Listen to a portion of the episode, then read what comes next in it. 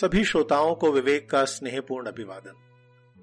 दोस्तों कभी कभी ज़िंदगी में कुछ ऐसे लोग भी मिल जाते हैं, जो अपना मतलब निकलने तक तो बड़ी मीठी मीठी बातें करते हैं, पर एक बार जब अपना काम हो जाए तो उनका लहजा ही बदल जाता है। स्नेह और आदर की जगह कड़वे शब्द ले लेते हैं, और वो आपसे मिलने या बात करने तक से कतराने लगते हैं। मेरी यह गज़ल कुछ ऐसे ही व्यक्तियों और अनुभवों को व्यक्त करती है।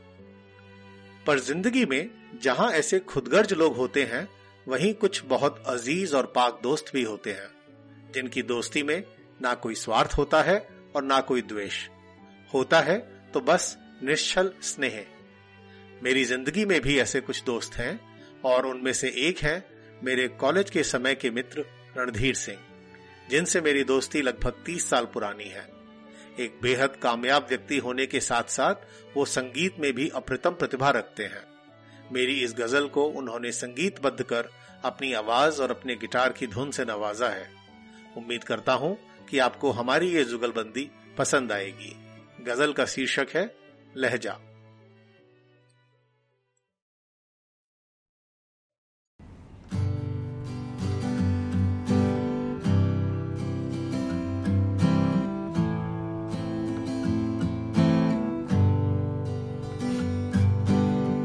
मतलब निकल गया तो लहजा बदल गया।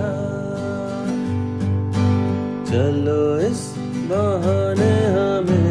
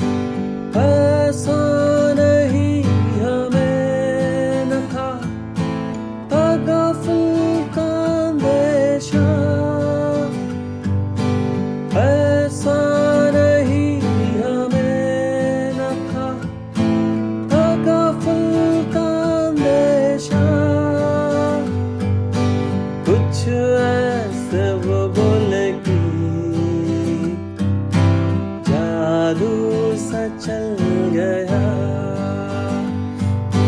कुछ वो बोले की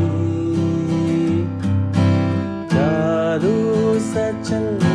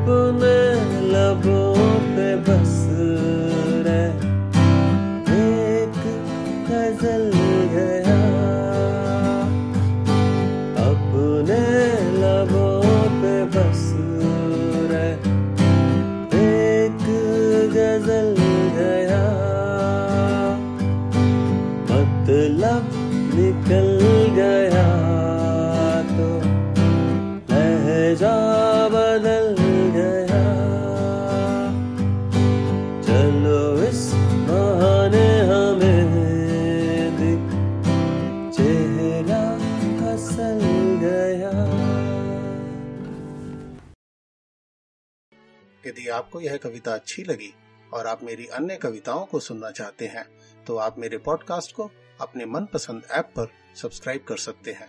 नीचे दिए लिंक से आप मुझे वॉइस मैसेज भी भेज सकते हैं। If you like this poem then consider sharing and subscribing to my podcast on your favourite platform You can also send a voice message to me by clicking at the link given below.